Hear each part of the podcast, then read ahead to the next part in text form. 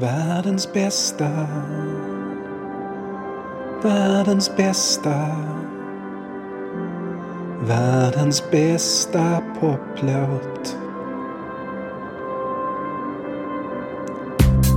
Världens bästa, nu är den här. Världens bästa, den är inte där. Världens bästa poplåt. Världens bästa gör mig så glad. Världens bästa, enda låten jag vill ha. Världens bästa Tjohej och välkomna till det tjugonde avsnittet av världens bästa poplåt. Den enda podden som kärleksfullt och målmedvetet och inkluderande metodiskt devalverar begreppet världens bästa poplåt. Ja, konventionerna säger att bara en kan vara bäst, men ni kan faktiskt behålla era löjliga traditioner eller slänga ut dem genom fönstret.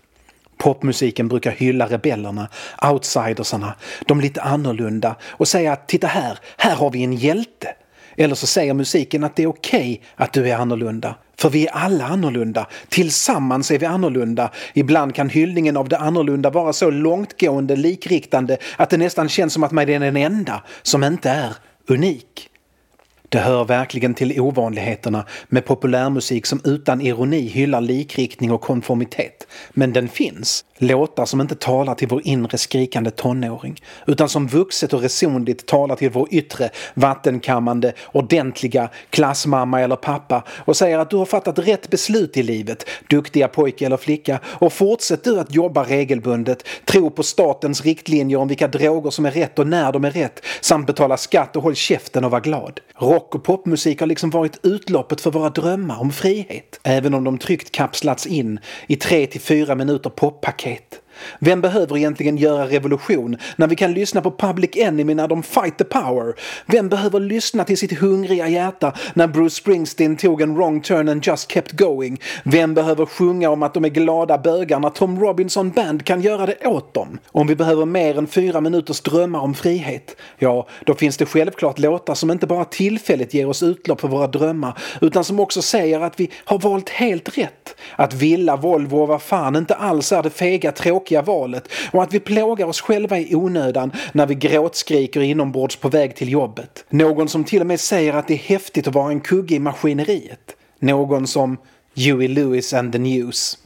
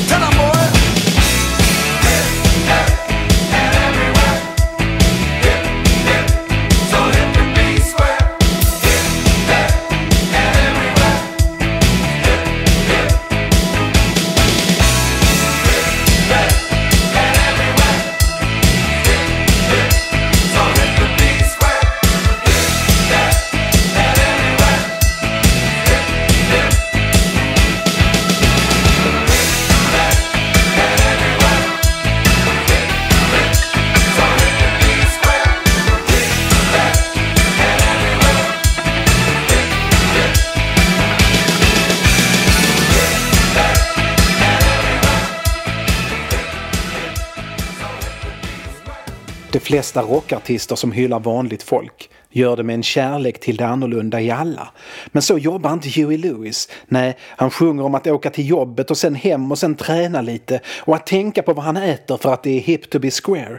En så catchy låt att most people probably don't listen to the sångtexten. Men det borde de, because it's not just about the pleasures of conformity and the importance of trends. It's also a personal statement about the band itself. Alltså, jag blir nästan orimligt provocerad av Huey Lewis and the News. För de är så förbaskat skickliga och låtarna är så förbaskat välskrivna. Visst, de är så polerade att nästan all personlighet har försvunnit från dem, men det gör inte saken bättre. Jag är en fredlig kille, har inga direkt våldsamma tendenser. Men när Huey Lewis sjunger om att han trivs i bilköer och tränar och tänker på vad han äter så fylls jag av en påfallande stor önskan att slå den jäveln på käften. Han är som den där jobbarkompisen som berättar hur han minsann har gått ner 20 kilo genom att byta ut såsen mot brysselkål och som tittar snett på en tjocka jävla kroppshydda när man tar en kaka till fredagsfikat. Lyckligtvis behöver man inte lyssna på Huey Lewis and the News till skillnad från andra Anders på HR som man tydligen har för sina synder i tidigare livs skull. Är säker på att Anders på HR är från Tranås. Tranås? Tranås. Nu ska vi eh, höra en liten, eh, en liten amerikansk låt. En amerikansk låt. Vi har en gästsolist här ikväll. Pastor eh, Bjarne Grimsen. En sedelärande amerikansk låt som heter vi röker inte hashish här i Tranås. Välkommen pastor! Yeah!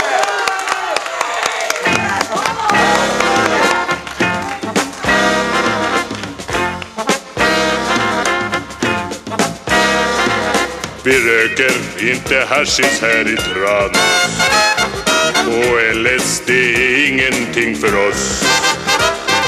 Vi gör vår värnplikt som vår kung vill ha den. För land och rike vill vi gärna slåss.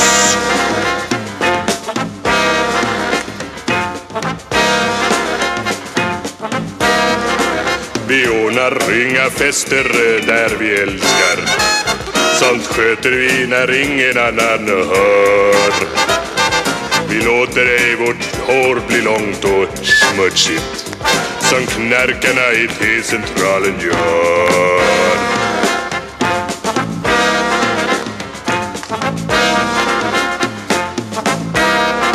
Vi är stolta att vara svenskar här i Tranås. Här lever vi i välstånd utan brist.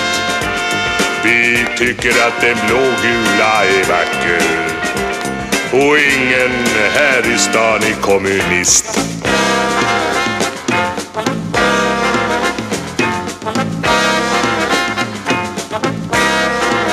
Tycker om att klä oss snyggt och prydligt och skiljer som sig bör på folk och fä. Vi lever här i välfärd och i frihet och alla som har slipsknut får vara med.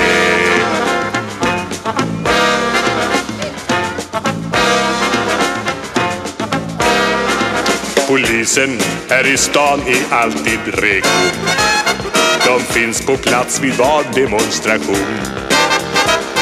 De är vårt skydd mot busar och ligister.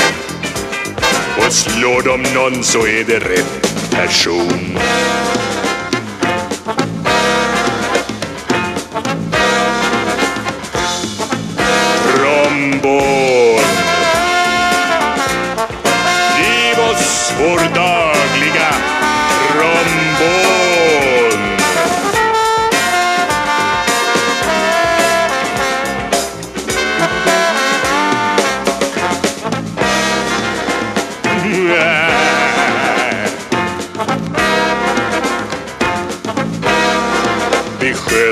Sköter och tar ett järn på lördag och ingen kan väl se något ont i det. På söndagen är det högmässa och hemvärn och alla goda borgare är med.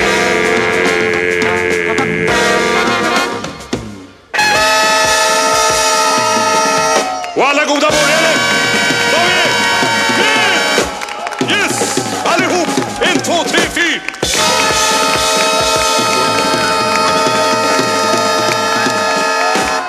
Nästa vecka tar alla med trombon. Janne Loffe Karlsson med sitt storband, som enligt skivomslaget är lattjo eller kul, man måste tydligen välja, konstaterar i sin översättning av Merle Haggards Okie from Muskogee att man inte röker hashish i Tranås, eller gör någonting kul alls i Tranås. Loffe gör den ironiskt, men originalet, Merle Haggards mästerverk, är inte det minsta ironisk. I alla fall var den inte det 1969 när den skrevs. Nej, den var en motreaktion på fred, kärlek och knark och allt vad kidsen som inte ville åka till Vietnam och försvara USA sysslade med. En låt som fångade vanligt folk i hjärtlandets, inte KDs hjärtland i Tranås då, utan det amerikanska hjärtlandets känsla av ungdomen som springer ifrån dem. Ifrån att leva rätt, respektera traditionerna och vara fria. Vi gör inte våra trippar på LSD, sjunger Haggard, för att sen gå över till att konstatera att läderstövlar är betydligt mer praktiska än hippiesandaler. Så vi får väl acceptera att det ligger något i vad Huey Lewis sjunger om då. Att ta hand om oss själva och den roll vi är satta att spela i samhället. Äta vår brysselkål om det nu är vad som behövs, Anders på HR, och komma i form.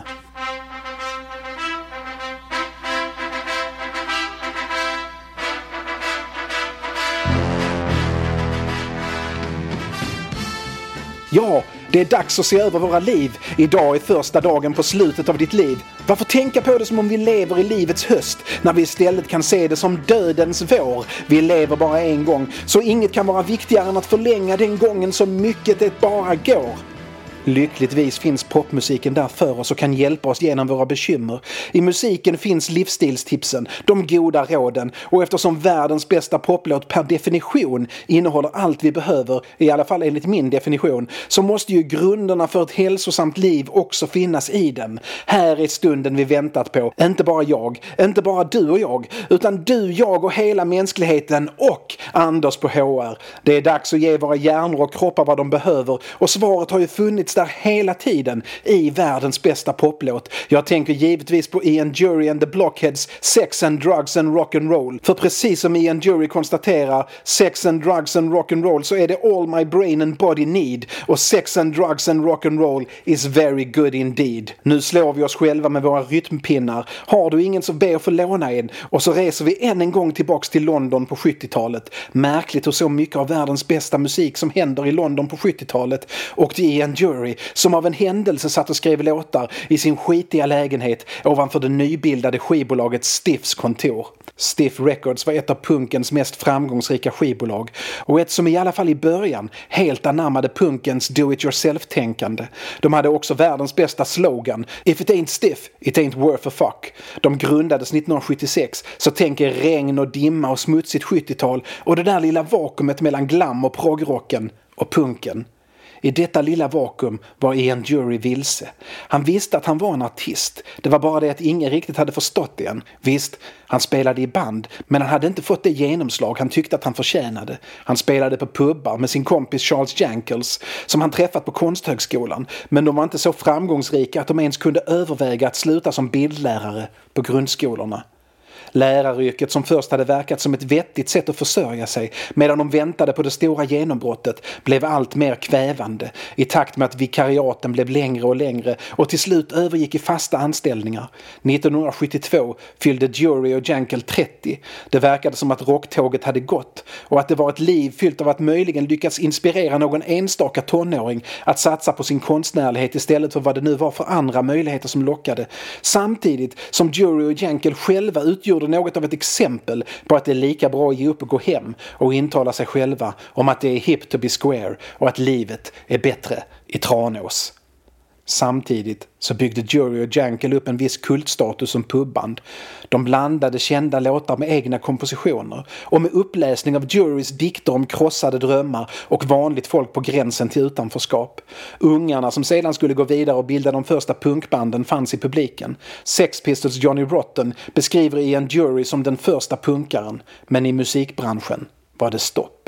Lite halvjazzig glamrock av okända människor över 30 var helt enkelt inte det man kunde slå igenom med längre. Eller någonsin. Musikbranschen är till för de unga och trendkänsliga, inte för Ian Jury. Men på något sätt fångar han ändå managerna Andrew King och Peter Jenners uppmärksamhet. King och Jenner är mest kända för två saker. De upptäckte Pink Floyd och fick dem att slå igenom. Och sen att de dumpade Pink Floyd för att de inte trodde att Pink Floyd hade någon framtid utan sångaren och låtskrivaren Syd Barrett. Det finns fortfarande människor som tycker att de gjorde helt rätt analys. Men de är inte så många. Men kanske såg de något av Syd i en jury. Båda skrev låtar som inte lät som någon annans låtar, men ändå närmast arketypiskt brittiska. Båda arbetade med orden på ett väldigt medvetet sätt, också det väldigt brittiskt, och båda passade inte in i några ramar. Hur som helst så fixade de den där lägenheten ovanför Stiff Records och uppmuntrade Jury och Jankel att lägga lite mindre tid på våra lärare och lite mer tid på våra låtskrivare. De fixade också fram möjligheter för Jury och Jankel att skaffa sig ett ordentligt välrepeterat annat och inte svältande kompband. Jankel förstod först inte sex, drugs and rock'n'roll storhet. Jurys och hans arbetsmetod var att Jury dumpade en massa sångtexter på honom på morgonen och sen skrev Jankel musiken medan Jury filade på sångmelodin. Det fanns inget i texten till sex and drugs and rock'n'roll som tilltalade Jankel så han avvisade den flera gånger. Ändå dök den upp där varje morgon. Överst på sångtexthögen. Jury gav sig inte. En morgon hade Jury till och med nynnat ihop ett riff som Jankel motvilligt lärde sig. Och när Jury sjöng sin sångtext till riffet förstod Jankel plötsligt hur låten kunde bli. Han hörde den liksom inuti sig. Arrangemanget blev klart samtidigt som låten. Trummorna, basen, orgeln. Allt framstod som självklart för Jankel. Redan samma eftermiddag var den klar och Stiff hade hört den genom taket och förstått att det här, det här är någonting fantastiskt politiskt. Ian Jury and the Blockheads var en del av punkrörelsen men deras musik är egentligen inte punk på något annat sätt än i attityden. Det går inte att sätta etikett på Blockheads musik för de gjorde saker som ingen annan gjort och på ett närmast helt oförutsägbart sätt. Sex and Drugs and Rock'n'Roll är kanske deras mest kända låt numera. Och den är deras första singel, men deras mest framgångsrika är Hit Me With Your Rhythm Stick med sina nästan en miljon sålda exemplar. Den är oemotståndligt dansbar och glädjespridande och livsbejakande och härligt, härligt jättejättekonstig. Pianot gör saker som ligger någonstans i friformjazzens territorium. Och saxofonerna har gått bortom det. Och saxofonisten spelar två stycken samtidigt i olika tonarter. Och med samtidigt menar jag inte bara det att det är en extra saxofon pålagd i efterhand utan att snubben faktiskt spelar med två saxofoner i munnen på en gång. Trummorna kör ett glatt discobeat och vad basisten gör är, ja alltså han spelar 16 delar snabbare än ljudets hastighet men får det ändå svänga och jag utmanar alla basister där ute och sätta det där utan att tappa gunget. Jankels gitarrsolo är också som från andra sidan universum och i centrum står såklart Ian Jury. Hit me!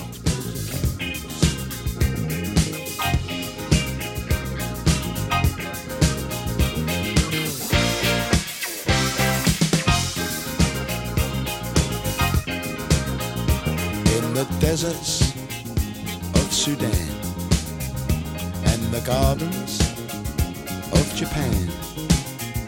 From Milan to Yucatan, every woman's, every man. Hit me with your rhythm stick, hit me, hit me. Je t'adore, ich liebe dich. Hit me, hit me, hit me, your rhythm stick. Hit me slowly, hit me quick,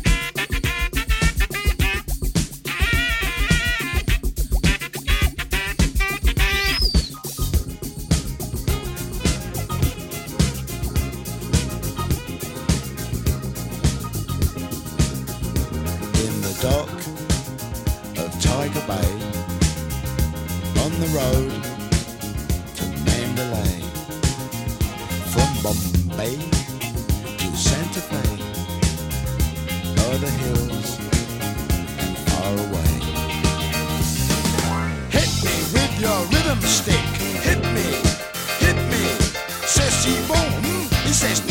Hit me, hit me, hit me. Hit me with your rhythm stick.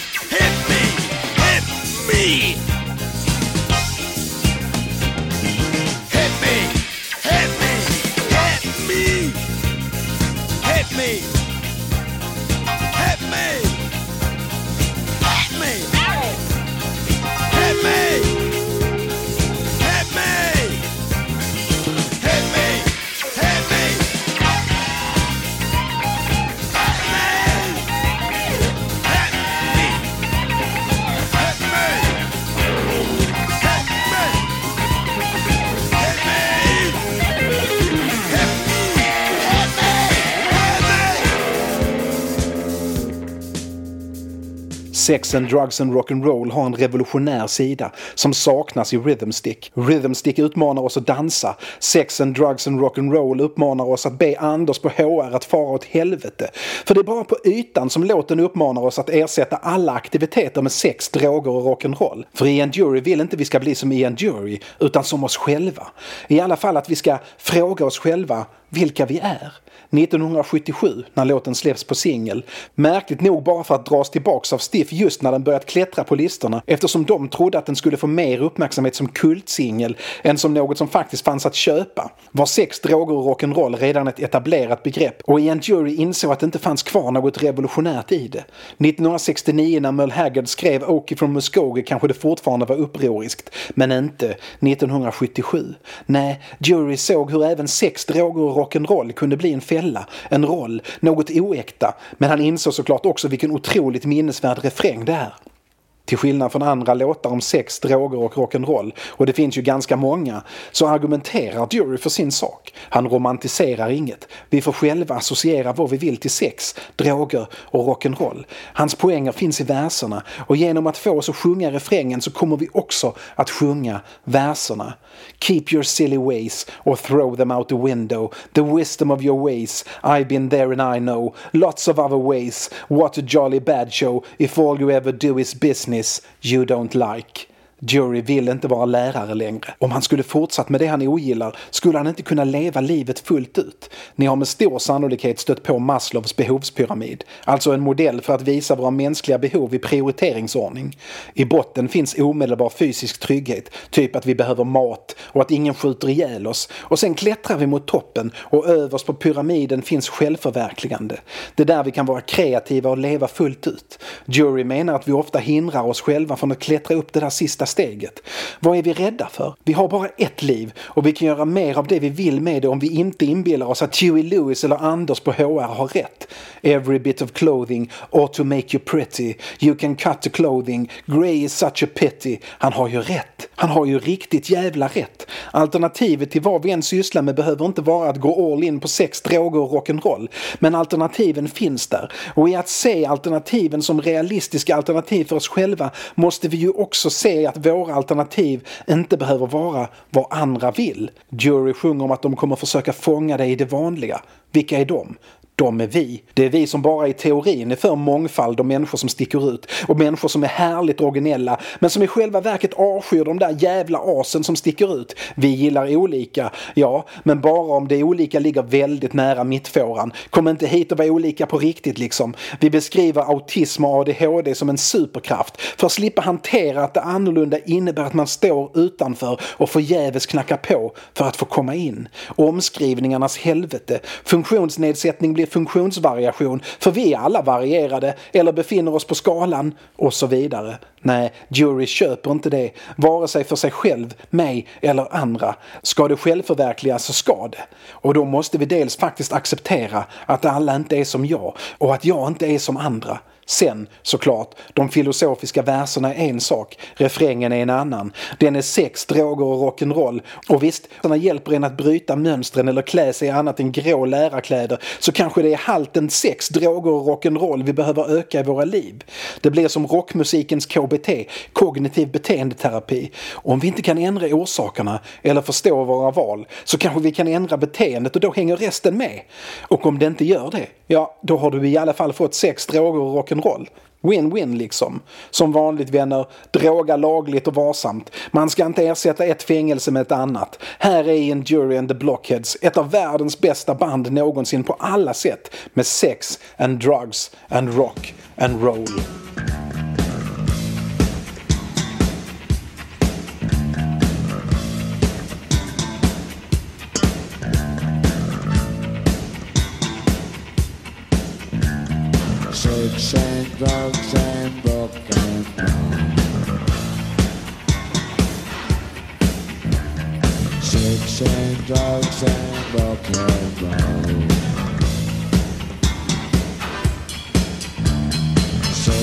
And and.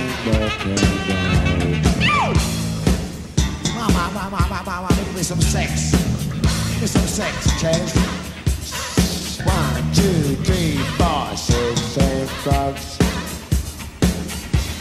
Sex and drugs. Sex and drugs and rock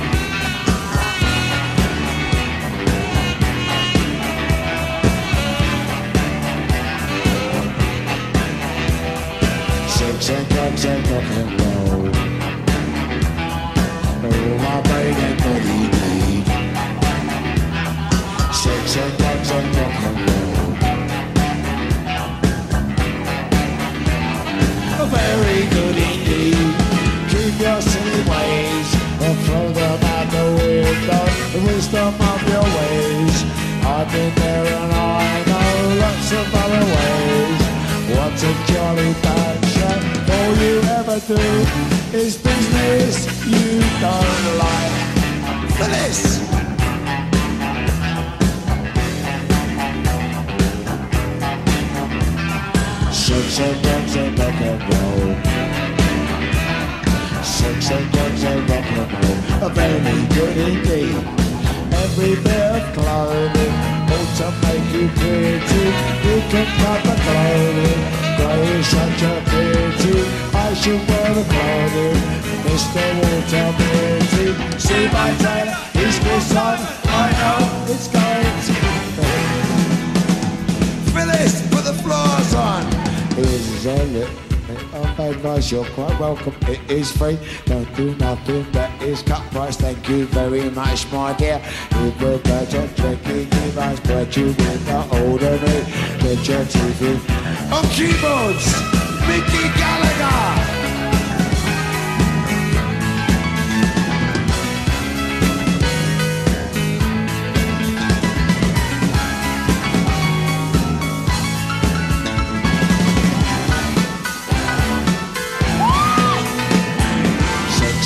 Drugs and rock and roll. Sex and drugs and rock and roll. Connie. Sex and drugs and rock and roll. Still Connie. Sex and drugs and rock and